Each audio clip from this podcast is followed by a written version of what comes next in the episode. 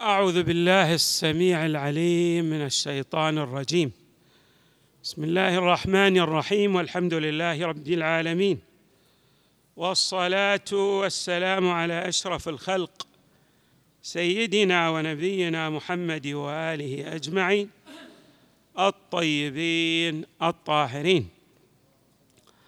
قال الله تعالى في القرآن الكريم ومن آياته أن خلق لكم من أنفسكم أزواجا لتسكنوا إليها وجعل بينكم مودة ورحمة. إن في ذلك لآيات لقوم يتفكرون. صدق الله العلي العظيم. الحياة الزوجية هي اللبنة الأولى في بناء المجتمع. ولهذا أولاها إسلامنا الحنيف عناية كبيرة وفائقة وجعل لها روافد متعددة.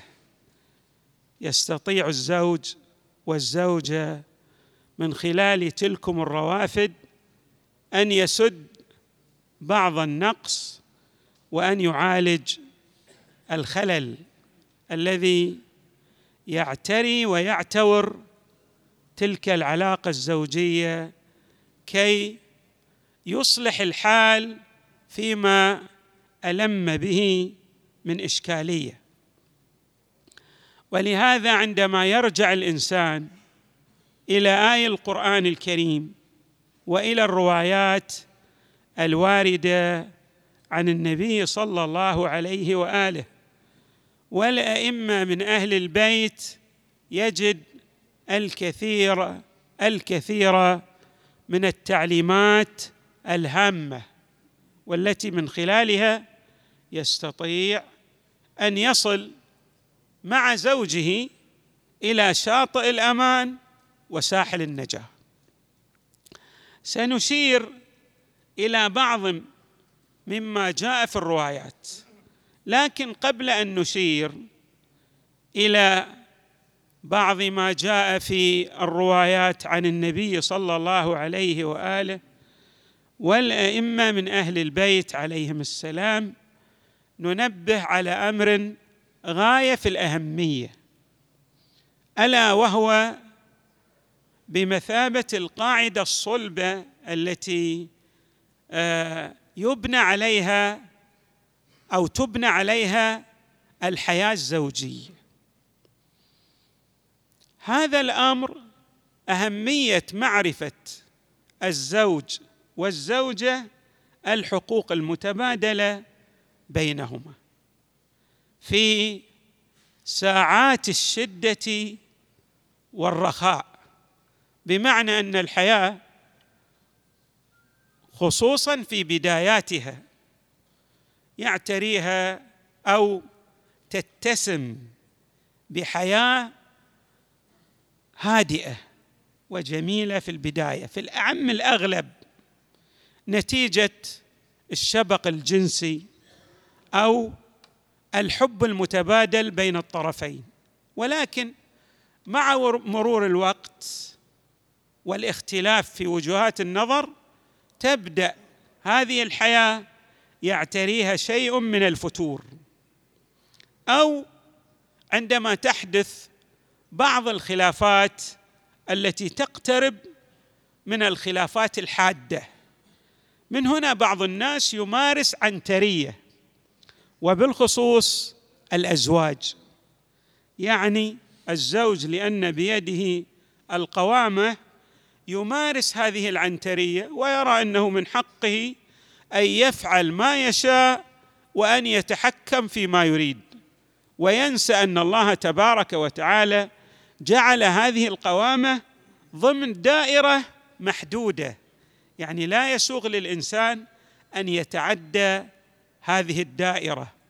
ولهذا الله تبارك وتعالى أفصح مبينا عن أن تعدي الحدود الإلهية يدخل الإنسان في دائرة الظلم. قال الله تبارك وتعالى ومن يتعد حدود الله فقد ظلم نفسه. الذي يتجاوز هذه الحدود هو يظلم نفسه. أشير مثلا إلى بعض التجاوزات الموجودة في المجتمعات عامة وبالتالي في مجتمعنا وفي سائر المجتمعات الأخرى. لأن الرجل بيده القوامة مثلا قد لا ينفق على زوجته. بمعنى إذا اختلف معها في وجهات النظر ووصل الخلاف إلى ما أطلقنا عليه بالخلاف الحاد أو قريب من الحاد يقتر عليها تقتيرا كبيرا. وهذا لا يسوغ له من الناحية الشرعية. يعني يجب عليه أن ينفق عليها الإنفاق اللائق بها. بمستواها الاجتماعي العرفي كما أشارت إلى ذلك الروايات الواردة عن النبي صلى الله عليه وآله والأئمة من أهل البيت عليهم السلام. ليس بمسوغ للإنسان الاختلاف الحاد أن يضيق على زوجته. هذا من التعدي على حدود الله تبارك وتعالى. وبالتالي هو من الظلم. والظلم عواقبه وخيمه. وحتى أشير إلى بعض العواقب حتى السعة على الزوجة مع التعامل الحاد بالألفاظ غير اللائقة يؤدي إلى عواقب وخيمة في عالم الآخرة. ولهذا قصة سعد بن معاذ عندما أبان عنها النبي صلى الله عليه وآله هي لافتة كبيرة للإنسان الملتزم تبين ما ينتظر الإنسان في عوالم الغيب. عندما شيع النبي صلى الله عليه وآله سعدا حاثن يعني غير منتعل. وقال صلى الله عليه وآله لقد شيع سعدا سبعون ألف من الملائكة فالتفتت أمه وقال إليه يعني إلى جنازته وقالت أو إلى قبره وقالت هنيئا لك يا سعد هنيئا لك بالجنة. فالتفت إليها النبي صلى الله عليه وآله وقال لها إن سعد له ضمه في القبر يعني له عذاب في القبر. القبر سيصطك عليه سيذيقه عذابا شديدا أعظم بمرات كثيرة من العذاب الذي يعتري الإنسان في هذه الحياة الدنيا. والنبي صلى الله عليه وآله أفصح عن أن هذا العذاب بسبب سوء الخلق في التعامل مع الزوجة مع أهله. يعني أن حتى الالتزام الظاهري بالقوانين الإلهية مع وجود حدة في التعامل له آثار وضعية في عوالم الغيب في عوالم الآخرة. ولهذا حري بالمؤمن أن لا يلتفت إلى فقط هذه المدة القصيرة في حياته المادية وينسى ما يستقبله من عوالم الغيب التي سيعيش فيها مؤبدة دون انقطاع. اذا على الإنسان أن يكون ملتزما جادا وأن لا يسوغ لنفسه بمجرد الخلاف أن يتعدى الحدود الإلهية. وكذلك تؤكد الروايات على الجنبه الأخلاقية في التعامل. ولهذا نجد مثلا بعضا من الروايات تشير إلى هذه الحيثية الهامه التي تقول زوج ابنتك أو كريمتك من مؤمن. مؤمن يعني ملتزم بدائرة الحدود الشرعية. فإن أحبها أكرمها وإن كرهها لم يظلم. يعني لم يتعدى تلك الحدود التي حددها الشارع المقدس. اذا النقطة الأولى هي التعامل في دائرة الحدود الشرعية وعدم أخذ مسوغات عند الاختلاف للتعدي على تلكم الحدود لأن التعدي على دائرة الحدود الشرعية يجعل الإنسان من الظالمين والعياذ بالله وبالتالي سيحشر مع الظالمين. الظلم للنفس وللطرف المقابل ولأي مفردة. من مفردات الكون يتعامل معها الإنسان ليس على وفق الحدود الشرعية. أيضا الروايات أشارت إلى شيء جد هام على أن الاختلاف إذا حدث على الإنسان أن يلتفت إلى تلك الروافد التي أكدت عليها الروايات في سبيل المعالجة. يعني الروايات لا تقول إن الحياة ستستمر في أعلى درجات الوئام والانسجام. هذا شبه مستحيل. بمعنى أن الحياة تعتريها منغصات كثيرة جدا حتى بين الصديق وصديقه.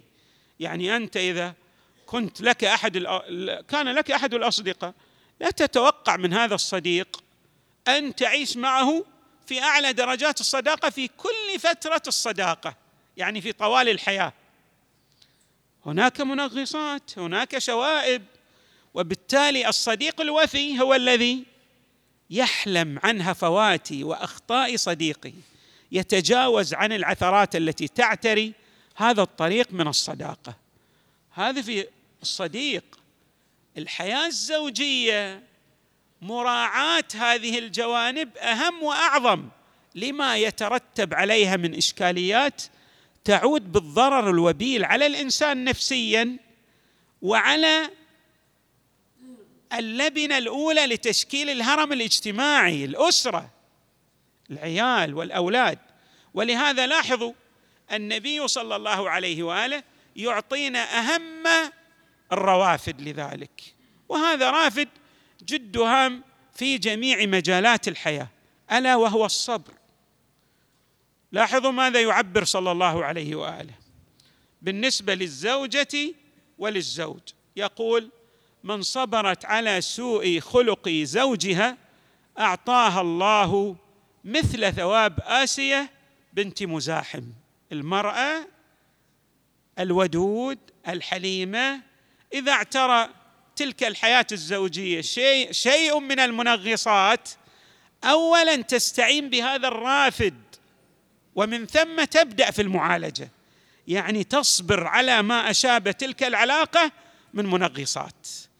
لتحصل على هذه المنزلة الرفيعة التي نالتها هذه الصديقة آسية عليها السلام. أيضا يقول صلى الله عليه وآله بالنسبة للزوج من صبر على سوء خلق امرأته واحتسب ذلك عند الله تعالى. أعطاه الله تعالى بكل مرة يصبر عليها. من الثواب ما أعطى أيوب عليه السلام على بلائه. انظروا الله تبارك وتعالى يعطيه كما أعطى النبي العظيم أيوب في صبره على بلائه.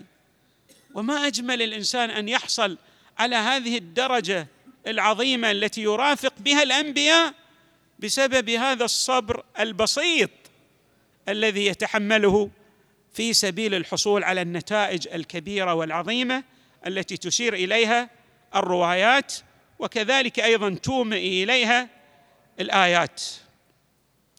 أيضا النبي صلى الله عليه وآله يفصح عما بيناه فيما تقدم إلى أن الإضرار بالزوجة يؤدي إلى الخروج من دائرة الإيمان في بعض الأحايين. لأن الإيمان ما هو؟ الإيمان ليس من الناحية النظرية فقط الإيمان هو الناحية العملية التطبيقية. الكثير من الناس يؤمن ولكن إيمانه لا يتعدى النظرية فحسب. أما عندما يأتي على مستوى التطبيق العملي تراه ماذا؟ يعني آه، يتعدى تلك الدائرة العملية. النبي صلى الله عليه وآله يقول ألا وإن الله عز وجل ورسوله صلى الله عليه وآله بريئان ممن أضر بامرأة حتى تختلع منه. يعني يؤدي الإضرار بها إلى أن تطلب الخلع والانفصال. هذا إضرار. ونحن نجد أيضا أن بعض الناس يعتبر ذلك من ال يعني الشطارة كما يعبر. يقول يعني أنا هي تعدت علي مرة ولكن أنا يعني أخذت حقي فيها. أوصلتها إلى يعني أخذت منها المبالغ الكبيرة. بالتالي صح أنا خلق خلعتها لكن أخذت منها أضعاف من المال وخلها تروح بيت أهلها وتبقى وتمكث بيت أهلها. هذا ليس يعني هذه ليست بشطارة هذا ظلم وهو ظلم عملي. والإنسان يحاسب عليه وقد يلقى عواقب وبال أمره ليس في عالم الآخرة بل في عالم الدنيا. الله تبارك وتعالى قد يقصف عمره قد يبتليه ببلاءات.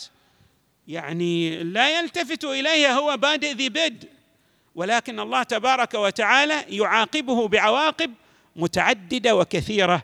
أشارت إلى بعض هذه العواقب الروايات الواردة عن أهل البيت عليهم السلام. من جملتها أن الله تبارك وتعالى يحرمه من بعض الأرزاق.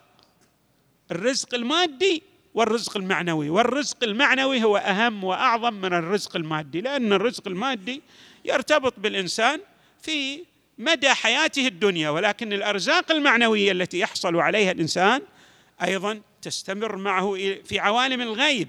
الله يحرمه من تلك الأرزاق كما أشارت إلى ذلك طائفة من الروايات. سنأتي على شيء من التفصيل والبيان فيما يتعلق في الحلقة الآتية والبحث الثاني الذي سنستعرض فيه ما يتعلق بهذا الشأن. وصلى الله وسلم وزاد وبارك على سيدنا ونبينا محمد وآله أجمعين الطيبين الطاهرين.